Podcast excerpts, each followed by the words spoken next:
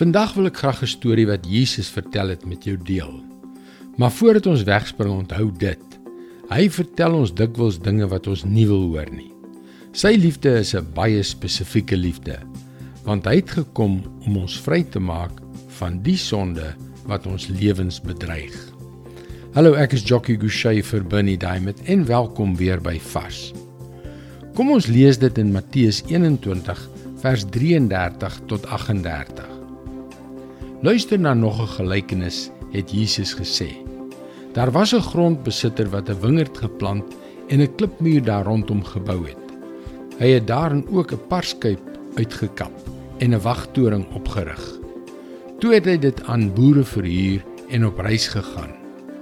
Toe dit tyd geword het vir die druiweoes, het hy van sy slawe na die boere toe gestuur om sy deel van die oes te gaan haal. Maar die boere het sy slawe gevang die een geslaan en 'n ander een doodgemaak en 'n ander een gestenig. Die eienaar het toe weer ander slawe gestuur, meer as die eerstes, maar die boere het met hulle net so gemaak.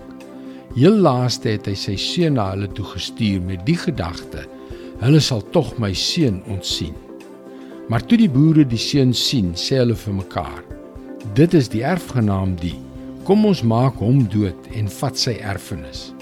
Hulle het hom toe gegryp en hom uit die wingerd uitgegooi en doodgemaak. Jesus is die seun van die grondbesitter in hierdie gelykenis. Hy het die mense met hulle sonde gekonfronteer.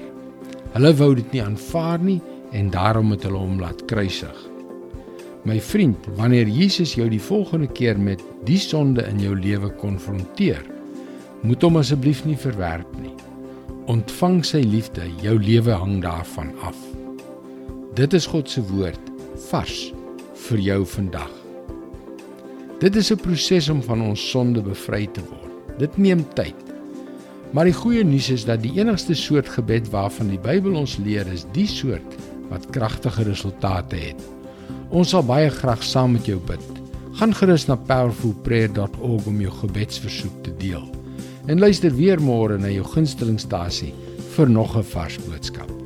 Mooi loop. Tot môre.